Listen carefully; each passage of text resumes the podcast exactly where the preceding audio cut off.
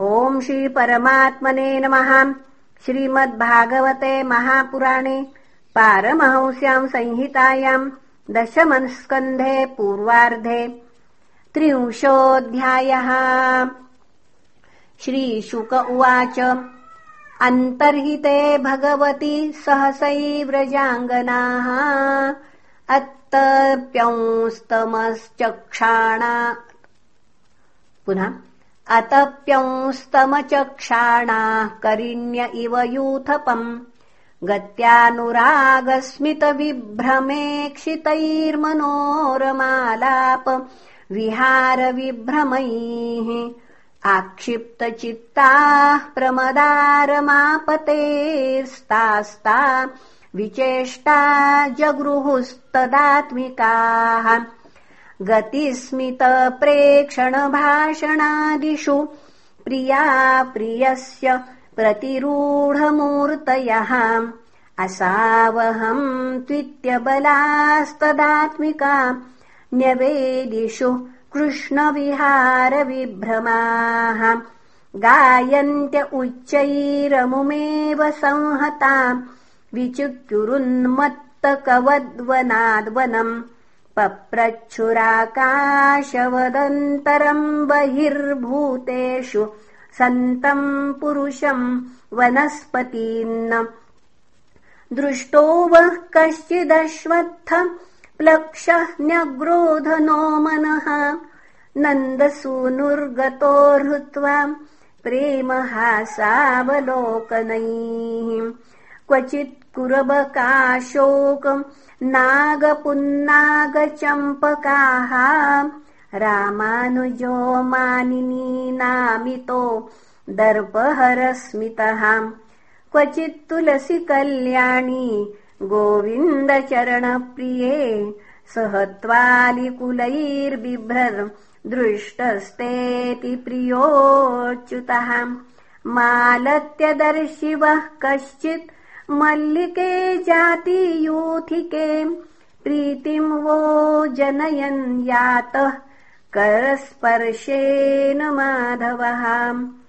च्यूतप्रियालपल्नशासनकोविदार जम्वर्कबिल्वबकुलाम्रकदम्बनीपाः येऽन्ये परार्थभवकायमुनोपकूला शंसन्तु कृष्णपदवीम् रहितात्मनाम्नः किम् ते कृतम् क्षितितपो बत केशवाङ्घ्रिस्पर्शोत्सवोत् पुलकिताङ्गरुहैर्विभासि।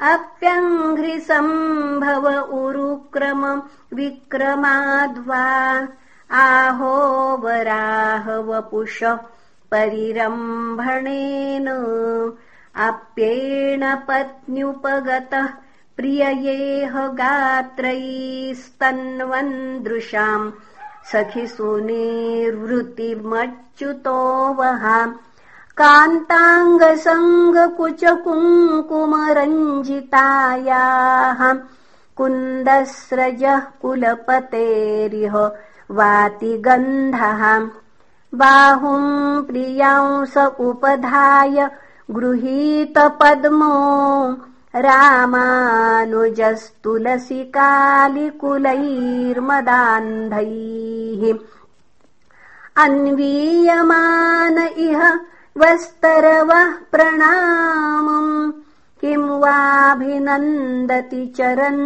प्रणयावलोकैः पृच्छते मालता बाहूनप्याश्लिष्टा। वनस्पतेः नूनम् तत्करजस्पृष्टा।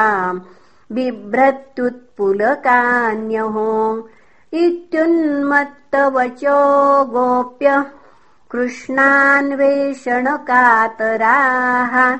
लीला भगवतस्तास्ता ह्यनुचक्रुस्तदात्मिकाः कस्याश्चित्पूतनायन्त्याः कृष्णायन्त्यपिबत्स्तनम् स्तोकायित्वा रुदत्यन्या पदाहञ्छकटायतीम् दैत्यायित्वा जहारान्यामेका कृष्णार्भभावनाम् रिङ्गयामास काप्यङ्घ्रि कर्षन्ती घोषनिस्वनैः। कृष्णरामायिते द्वे तु गोपायन्त्यश्च काश्चन वत्सायतिम् हन्ति चान्याम् तत्रैका तु बकायतीम्। आहूय दूरगायद्वद् कृष्णस्तमनुकुर्वतीम् वेणुम् क्वणन्तीम् क्रीडन्तीमन्या शंसन्ति साध्वितीम् कस्यांश्चित् स्वभुजम् न्यस्य चलन्त्याः परा ननु कृष्णोऽहम् पश्यत गतिम् ललितामिति तन्मनाः मा भैष्ट्यवातवर्षाभ्याम् तत्राणम् विहितम् मया इत्युक्त्वैकेन हस्तेन यतन्त्युन्निदधेऽम्बरम् आरुहैकापदाक्रम्य शिरस्याः पराम् नृप दुष्टाहे गच्छ जातोऽहम् खलानाम् ननु दण्डधृक्। तत्रैकोवाच हे गोपा दावाग्निम् पश्यतोल्बणम् चक्षुंस्याश्वपिदध्वम् वो विधास्ये क्षेममञ्जसा। बध्यान्यया स्रजा काचित्तन्वी तत्र उलूखले भीता सुदृक् पिधायास्यम् भेजे भीतिविडम्बनम् एवम् कृष्णम् पृच्छमानाम् वृन्दावनलतास्तरुन् व्यचक्षत वनोद्देशे पदानि परमात्मनः। पदानि व्यक्तमेतानि नन्दसूनोर्महात्मनः लक्षन्ते हि ध्वजाम्भोज वज्राङ्कुशयवादिभिः तैस्तैः पदैस्तत्पदवीमन्विच्छन्त्योऽग्रतो बलाः वध्वाः पदैः सुपृक्तानि विलोक्यार्ताः समब्रुवन् कस्याः पदानि चैतानि यातायानन्दसूनुनाम् असन्न्यस्तत्प्रकोष्ठायाः करेणोः करिणा यथाम् अनयाराधितो नूनम् भगवान् हरिरीश्वरः यन्नो विहाय गोविन्दः प्रीतो यामन यदर्हः धन्या अहो अमी आल्यो।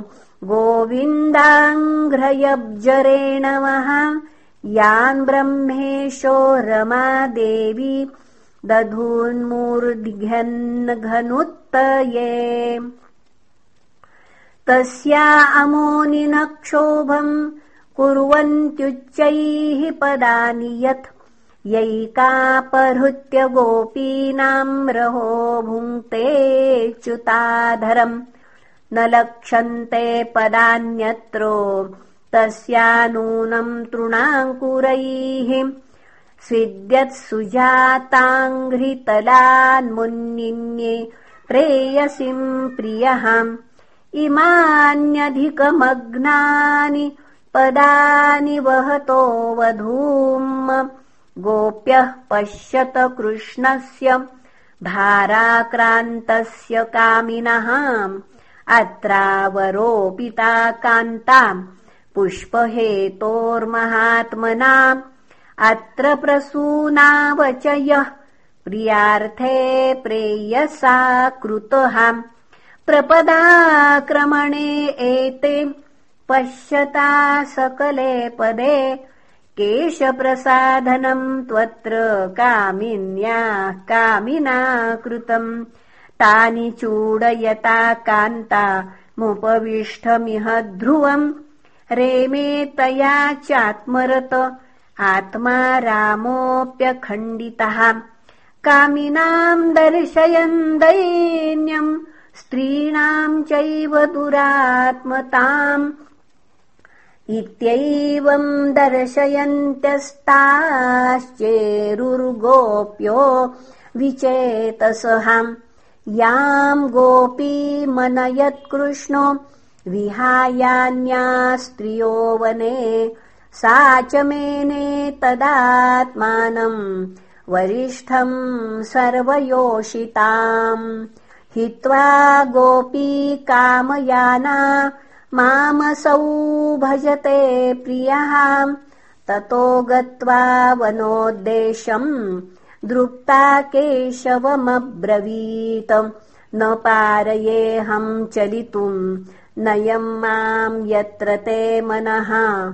एवमुक्तः प्रियामाह स्कन्धः आरुह्यतामिति।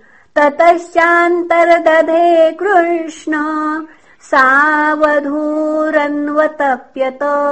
हानाथरमणप्रेष्ठ क्वासि क्वासि महाभुज। दास्यास्ते कृपणाया मे सखे दर्शय सन्निधिम् अन्विच्छन्त्यो भगवतो मार्गम् गोप्यो विदूरतः ददृशुः प्रियविश्लेषमोहिताम् दुःखिताम् सखीम् तया कथितमाकर्ण्य मानप्राप्तिम् च माधवात् अवमानम् च दौरात्म्यात् विस्मयम् परमम् ययुः। ततो विशन्वनम् चन्द्र ज्योत्स्ना यावद्विभाव्यते तमः प्रविष्टमालक्ष्य ततो निववृतुस्त्रियः तन्मनस्कास्तदालापास्तद्विचेष्टास्तदात्मिकाः तद्गुणानेव गायन्त्यो नात्मा गाराणि सस्मरुः। पुनः पुलिनमागत्य कालिन्द्या कृष्णभावनाः समवेता जगुः कृष्णम् तदागमनकाङ्क्षिताः। इति श्रीमद्भागवते महापुराणे पारमहंस्याम् संहितायाम् दशमस्कन्धे पूर्वार्धे रासक्रीडायाम् कृष्णान्वेषणम् नाम त्रिंशोऽध्यायः। श्रीकृष्णार्पणमस्तु हरये नमः हरये नमः हरये नमः